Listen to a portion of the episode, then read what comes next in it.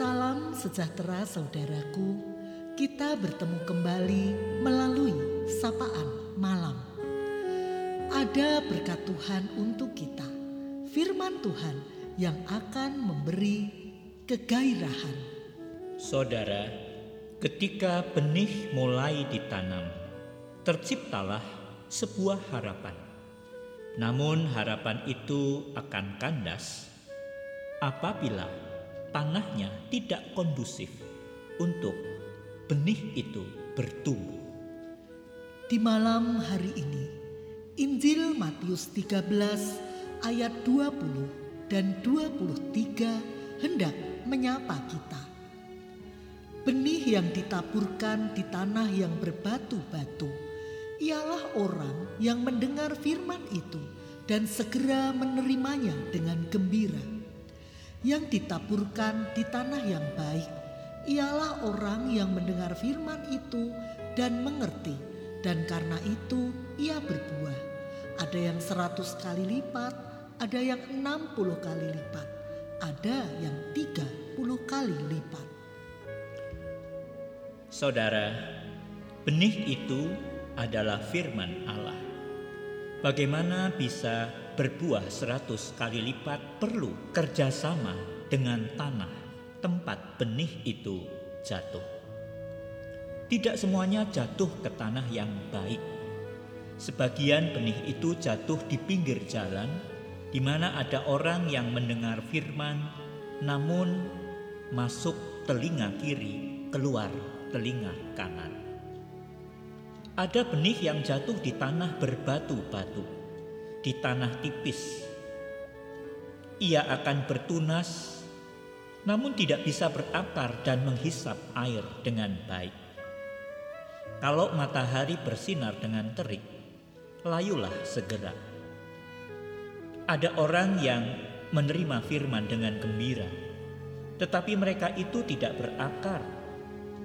Mereka percaya sebentar saja, dan dalam masa pencobaan mereka murtad. Ada benih yang jatuh di tengah semak duri Benih itu tumbuh namun akhirnya terhimpit.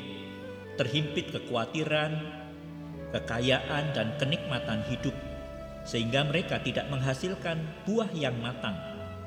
Mendengarkan firman Tuhan namun kemudian tidak menganggapnya penting.